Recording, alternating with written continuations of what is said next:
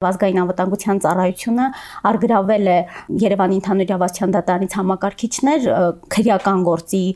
շրջանակներում ըստ այդ քրեական գործի միջամտություն է տեղի ունեցել գործերի բաշխման վրա պատկերացրեք մարդը դիմել է իր իրավունքի պաշտպանության համար այդ գործը այնքան երկար է տևել որ մահացել է եւ այդպես էլ դատական ակտը չի տեսել սա պետության լրջագույն խնդիրն է եւ պետք է օր առաջ լուծվի նաեւ այդ հարցը Մեծ այդ զրույցում դատավորները նշում են, որ որոշ դեպքերում շատ པարզ թվացող գործը կարող է շատ երկար տևել եւ 20 ամբաստանյալով օրինակ գործը կարող է շատ կարճ ավարտվել, քանի որ յուրաքանչյուր գործով ուղղակի անհատական մոտեցում պետք է ցուցաբերել եւ չես կարող հստակ չափանիշներով որոշել, որ այս կամ այն գործը կարող է ավարտվել այսքան ժամկետում։ Հետաքնող լրագրողներից հետ ոդկաստ Բարև բոլորին, դուք լսում եք Head Podcast-ը, ձեզ հետ ինչպես միշտ Սամսոնն եմ։ Այսօր ստուդիայում հետքի լրագրողներ Գրիշան եւ Արաքսն են, ողջույն։ Ողջույն։ Վերջին 6 ամսվա ընթացքում հետքում իրականացրել ենք դատական իշխանության վերաբերյալ վերլուծություններ եւ հետազոտություններ։ Գրիշան եւ Արաքսը այդ ծրագրի մի մասն են եղել։ Կարող եք մի փոքր պատմել ծրագրի մասին։ Ծրագիրը կոչվում է արդյունավետ դատական պաշտպանություն եւ ուսումնասիրել ենք հիմնականում դատավորների ծանրաբեռնվածությունը, հատկապես այն դատավորների, ովքեր բարձրագույն դատական խորհրդի որոշումներով ազատվել են որոշակի ժամանակահատվածում նոր գործերի մակագրումից ցանկից, իսկ նրանց անունը հանվել է գործերի ցանկից, համակարգից եւ նոր գործեր չեն մակագրվել կոնկրետ ժամանակահատվածում, փորձել ենք հասկանալ թե ինչքանով են ծանրաբեռնված եղել տվյալ դատավորները եւ նրանց վարույթում գտնվող գործերը ինչ ծանրություն են ունեցել եւ ինչքանով են ծանրաբեռնել դատավորներին։ Սկզբնական հատվածում փորձել ենք տեղեկատվություն ստանալ հենց բարձրագույն դատական խորհրդից, հասկանալու համար թե ինչ ուսումնասիրությունների եւ վերլուծությունների հիման վրա են որոշումներ կայացրել, բայց ցավոք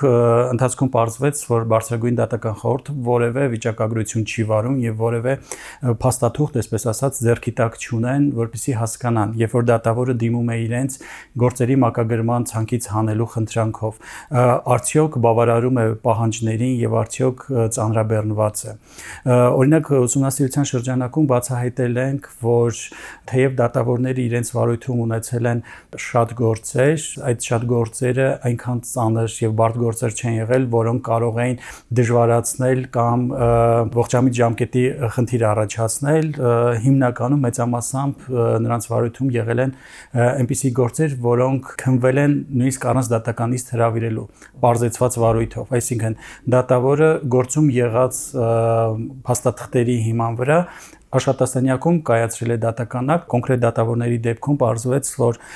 ոչ մի ողջամտություն չկա, թե ինչու է օրինակ parzեցված վարույթով քնվող գործի շրջանակում դատական ակտը հրապարակվում 1 տարի անց։ Արագածոտնի մարզի ընդհանուր իրավասության դատարանի դատավոր Գոհարիկ Խաչատրյանը օրինակ այդ ակտի հրապարակումը, վերջնական դատական ակտի հրապարակումը նշանակել է 12 ամիս անց։ Սա ոչ միայն ողջամիտ ժամկետներում գործի քննության հետ կապված դժվարություն ծանրություն է առաջացնում, այլև արհեստական ծանրաբեռնվածություն է առաջացնում դատավորի մոտ, հետագայում հիմք ստեղծելով կրկին դիմել բարձրագույն դատական խորհրդին եւ խնդրել իրենց ազատել նոր գործերի մակագրումից կոնկրետ ժամանակահատվածում։ Ահա արագ օրինակ քո նյութի տվյալների վիզուալացումը ես եմ արել եւ շատ հետաքրքիր բաներ կար այդ նյութի մեջ, շատ տարբեր դատավորների հետ է շփվել, Երևանում քրեական գործերով զբաղվող, քրեական գործեր քննող դատավորների հետ է շփվել, մի քանի բան կարող ես պատմել Ես ուսումնասիրել եմ քրեական գործեր քննող դատավորների ծանրաբեռնվածությունը, թե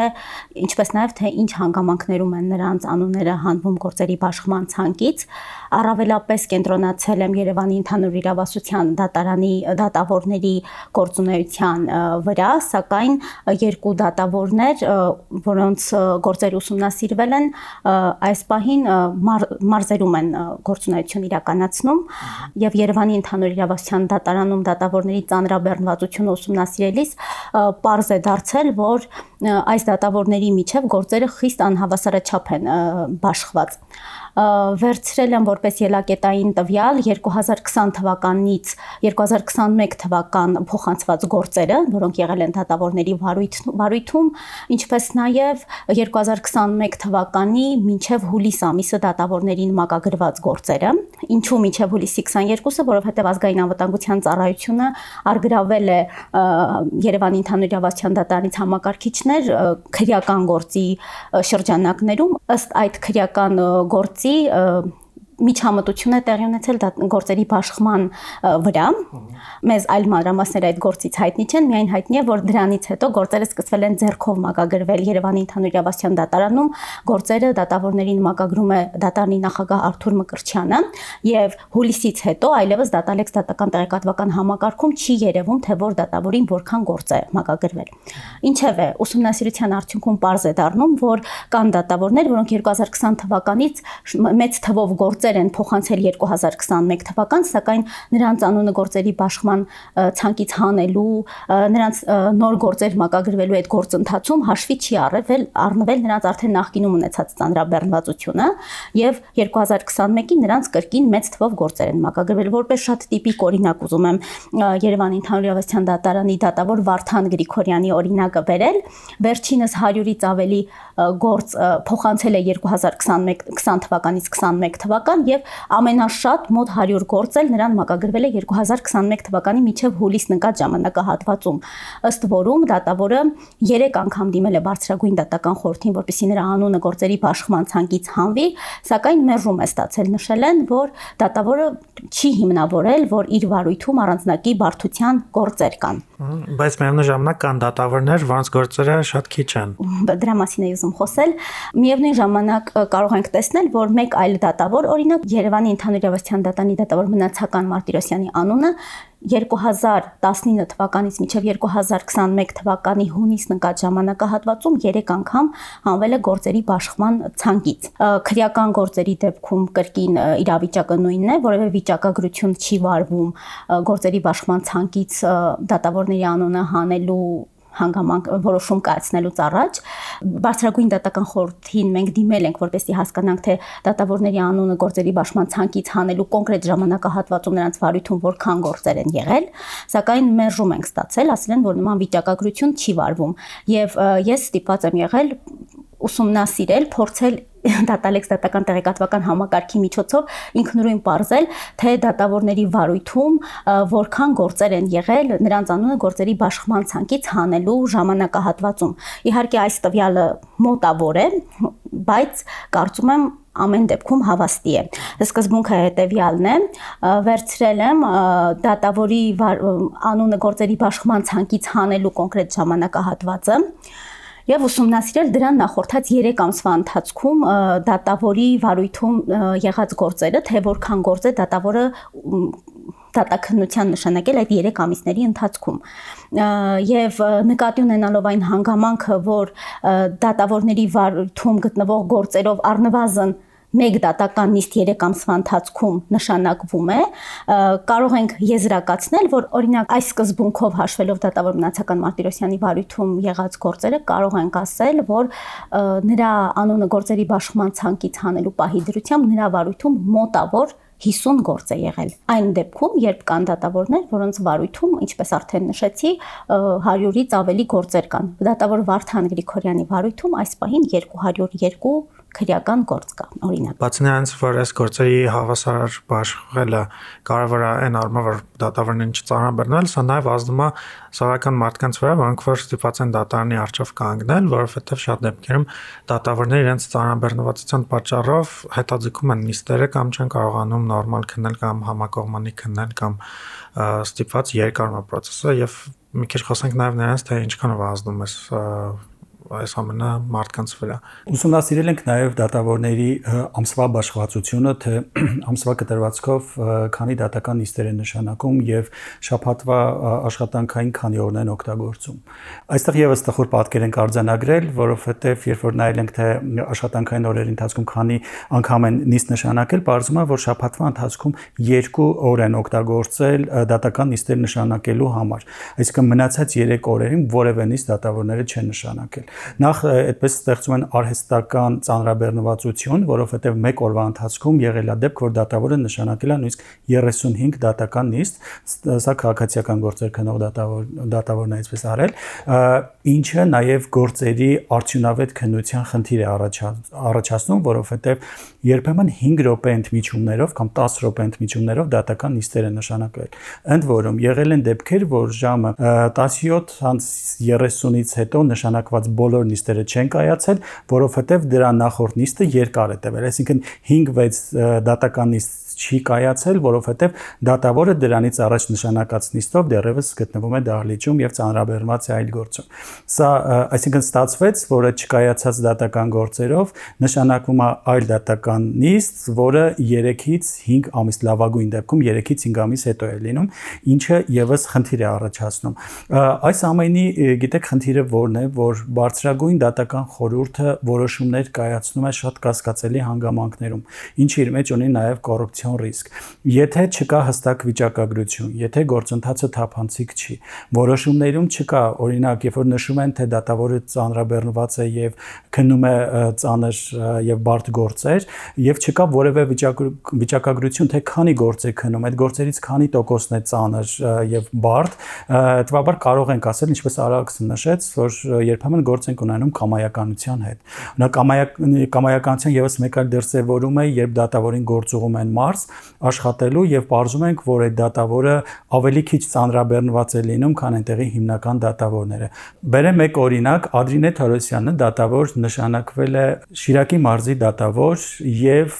անմիջապես նշանակումից հետո գործուվել է Արարատի եւ Վայոց ձորի մարզի դատարան 4 ամիս ժամկետով։ Եվ ողջեցինք, որ 4 ամսվա ընթացքում ընդամենը 8 քրեական գործ է քննել, որից 8-ից մեկն էլ կիսատ է թողել, որովհետեւ գործողման ժամկետը լրացել էր եւ պետք է վերադառնար։ Հետո ողջվում է, որ Ադրինե Թորոսյանին նշանակում են Արմավիրի մարզի ընդհանուր իրավասության դատարանի դատավոր եւ դեռ ինքը շարունակում է մնալ Շիրակի մարզում, որպիսի քննի իր վարույթում եղած գործերը։ Եվ այսպես շարունակ։ Երբ որ ուսումնասիրում ենք նմանատիպ դեպքերը, ողջում ենք, որ գործուղված եւ քիչ ծանրաբեռնված դատավորները հիմնականում հովանավորչությամբ են առաջ գնացել, այսպես ասեմ։ Կոնկրետ Ադրինե Թորոսյանի դեպքում ասեմ, որ Ադրինե Թորոսյանի ամուսինը վարչական դատարանի աշխատակազմի ղեկավարի կինն է եւ ենթադրվում է, որ ամուսնու կապերը օգտագործելով փորձել են Ադրինե Թորոսյանի համար ավելի ճակերտավոր բարենպաստ աշխատանքային պայմաններ ստեղծեն, որ նա աշխատի։ Ես իրավունք ունեմ այսպես ենթադրելու, որովհետեւ գործընթացներն են բերել դրան, որ առաջանա կասկած։ Եթե բարձրագույն դատական խորհուրդ աշխատեր թափանցիկ եւ հրաապարակային, այսինքն ունենային վիճակագրություն, նույնիսկ մեր խնդրանքով որ տվեք վիճակագրություն, ալարել են գուցե ուսումնասիրեն նույնիսկ դրանից հետո ուսումնասիրեն թե կոնկրետ դատավոր ինչ ծանրաբեռնվածություն է ունեցել այդ պարագայում ես չեմ կարող ասել որ գործընթացը թափանցիկ է հետեւաբար ես իրավունք ունեմ այդ թվում նաև ընթերցողը իրավունք ունի կասկածի տակ դնել ամբողջ գործընթացը այ նաև ստացվում է որ խնդիրը ես ուզում եմ այդ հարցն է բայց ոնց որ քան որ խոսեցիր հասկացա որ խնդիրը նրանում չի որ դատավորները քիչ են կամ քիչ դատավորներ են նշանակվում եւ գործերը շատանում են խնդիրը ավելի շատ նրանում է որ գործերի բաշխվածությունը սխալ եւ ոչ համաչափ է արվում։ Իրականում դատավորների պակաս ունենք, սխալ կլինի ասել, որ դատավորները թեր ծանրաբեռնված են, սակայն լրացուցիչ լարվածություն եւ ծանրաբեռնվածություն առաջանում է նաեւ ոչ համաչափ բաշխման հետևանքով։ Հետևաբար, եթե գործերի բաշխումը իրականացվի արդյունավետ եւ համաչափ, մենք չենք ունենա սուր, այսպես արտահայտված դեպքեր։ Կոնկրետ դա բարձրագույն դատական խորհրդի խնդիրն է, որ պետք է հնարավորինս լուծի այդ խնդիրը եւ կարողանա համաչափ լուծում գտնել։ Օրինակ, դատավոր են նշանակում մեկ այլ մարզ, բայց տարիներով այդ դատավորը այդ մարզում չի լինում, գործնայություն է ծավալում այլ մարզում, որովհետև գործողման մեջ է։ Հետևաբար, ինչ նպատակ ունի, օրինակ, նշանակել մի մարզում դատավոր, որտեղ ծանրաբեռնվածությունը իր 0 է, գործնայություն է ծավալում այլ մարզում, բայց որտեղ որ ինքը գործնայություն է ծավալում, այդ դատարանում ունենք դատավորների պակաս։ Ես նաև հիշում եմ, որ Արաքսի նյութում կար դատավորներից մեկի օրինակ, որը որ քրեական գործերով գործերի քննությամբ է զբաղվում եւ որը որ որոշում է կայացնում 15 նույնիսկ 10 րոպեի ընթացքում այդ այն դեպքում երբ որ որոշումը դատավորի ուղղակիորեն կապված է մարդու կալանավորվելու կամ չկալանավորվելու կամ չգիտեմ մարդու հետ դրա մասին կարող ես մի քիչ պատմել այդ Խոսքը Լոռու մարզի ընդհանուր իրավասության դատարանի դատավոր Սուսաննա Գզոկյանի մասին է։ Այս դատավորը իրականում բավականին ծանրաբեռնված է։ Ուսումնասիրել ենք նրա գործերը 2020 թվականի ապրիլի 9-ից մինչև հուլիսի 9-ն ընկած ժամանակահատվածում, քանի որ դատավորի անունը հուլիսի 9-ից հանվել է գործերի բաշխման ցանկից, ինչպես արդեն նշեցի, դրանից 3 ամիս առաջվա գործերը ուսումնասիրել ենք եւ ողջվել է, որ դատավորի վարույթում այդ պահին 134 գործով այդ 3 ամիսների ընթացքում դատական նիստ է նշանակվել, հաշվետու այդ 3 ամիսների ընթացքում դատավորը 320 նիստ է նշանակել, որոշ օրերի 7-8 դատական նիստ, սակայն մեկ օր առանձնանում է, այդ Սուսանա Գզոգյանը նշանակել է 11 դատական նիստ այդ օրվա ընթացքում, ըստ որում 15 րոպե, ինչպես արդեն դուք նշեցիք, դատավճիռ է հրապարակել։ Այս տվյալը մենք դատալեքսից ենք իմանում, որովհետև նշված է, որ դատավորը քննել է մեկ գործ 15 րոպեում ավարտել դրա մոտ արկա է կայացված է նշումը եւ դրան հաջորդող նիստի դիմաց եւս արկա է կայացված է նշումը, այսինքն երկու նիստերն էլ կայացվել են ինչից հետևում է, որ դատավորը 15 րոպեի ընթացքում է կայացրել այդ դատավճիռը նոր գործ սկսելով։ Դատավոր Դավիթ Հարությունյանը փորձել էր ուսումնասիրել դատա Երևանի ընդհանուր իրավասության դատարանում ստացված տարվա կտրվածքով ստացված գործերը, դատավորների քանակը Երևանի ընդհանուր իրավասության դատարանում եւ հասկանալ, թե արդյոք իրեն գործերը տրվել են գործեր համաչափության սկզբունքը հաշվի առնելով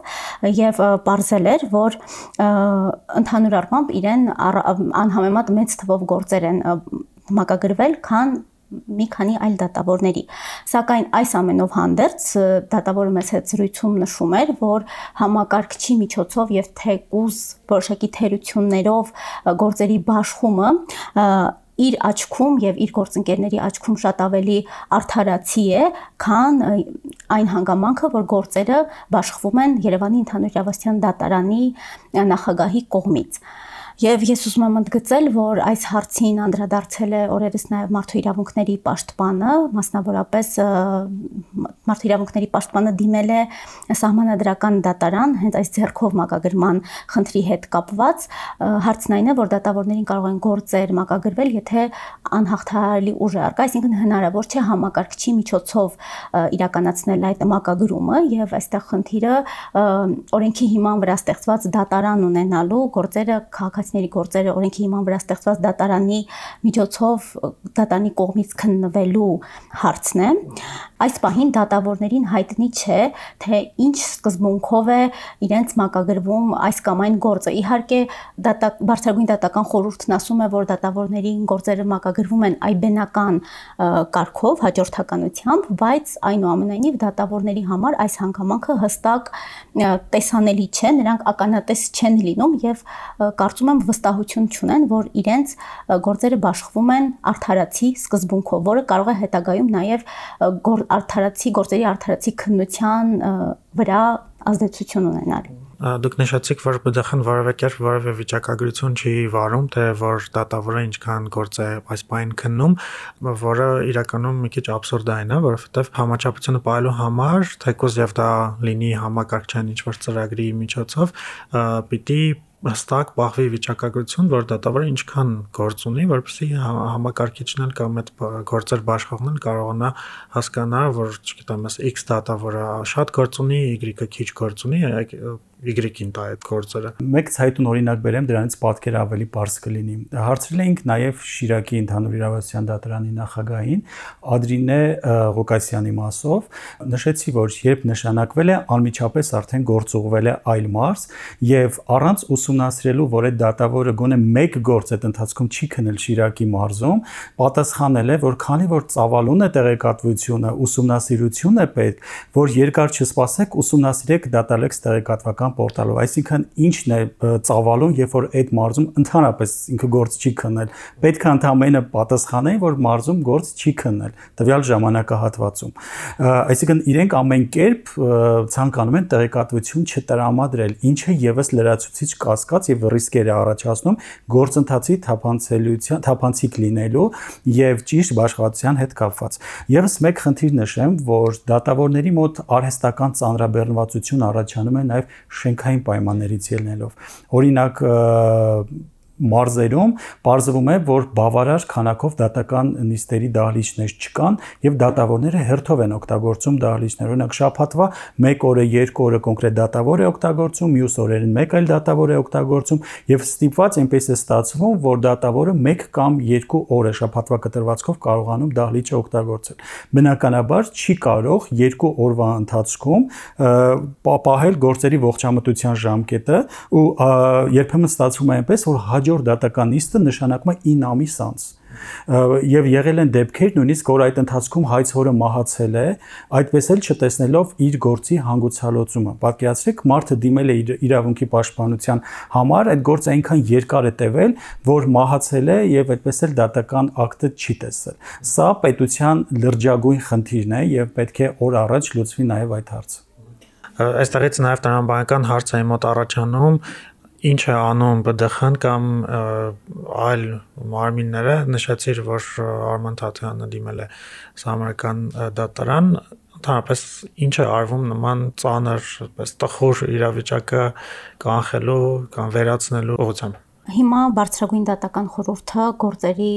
առանձնակի բարդության չափանիշներ է սահմանել վերջերս, ինչպես նաև ինչ որ ժամկետներ է նշել, որ ողջամիտ ժամկետներ գործերի քննության ավարտի, սակայն պետք է նշել, որ այս չափանիշների հետ եւս դատավորները այնքան էլ հաշտ չեն, որովհետեւ մեծ հետ զրույցում դատավորները նշում են, որ որոշ դեպքերում շատ པարզ թվացող գործը կարող է շատ երկար տևել եւ 20 ամբաստանյալով օրինակ գործը կարող է շատ կարճ ավարտվել, հա, կարճ ժամանակահատվածում, քանի որ յուրաքանչյուր գործով ուղղակի անհատական մոտեցում պետք է ցուցաբերել եւ չես կարող հստակ չափանիշներով որոշել, որ այս կամ այն գործը կարող է ավարտվել այսքան ժամկետում Այսինքն չափանիշները այն էր, որ ինչքան շատ մարդ է ներգրավված օրինակ որպես վկա, այդքան ավելի ծանր է գործը։ Դա հա։ չափանիշներից մեկ է, մեկն է։ Այնտեղ կան նաև այլ չափանիշներ, բայց դրա համար բարձրագույն դատական խորհուրդը ոչ թե պետք է մոտավոր հաշվարկներ իրականացնի, այլ երբ դատավորը դիմում է բարձրագույն դատական խորհրդին, որ իր վարույթում կա ծանր գործեր, այսինքն ծանր ընթացք ունեցող գործեր, հետեւաբար պետք է ունենա վիճակագրություն եւ հստակ պահանջի բացատրություն, թե օրինակ տվյալ գործը ինչ չափանիշներով է բարդ, ինչն է խանգարում այդ գործի արագ քննությանը։ Գուցե օրինակ արագացված ընթացակարգով շատ բարդ թվացող գործը արագացված ընթացակարգով է քննվում եւ ընդամենը 1 շաբաթվա ընթացքում նիստերը կայանում են եւ հրապարակվում է դատական ակտ։ Այսինքն ըստ էության 6 չի առաջանում եւ մեղադրողի պաշտպանական կողմի հետ 6 ընդհանրապես չի առաջանում։ Դա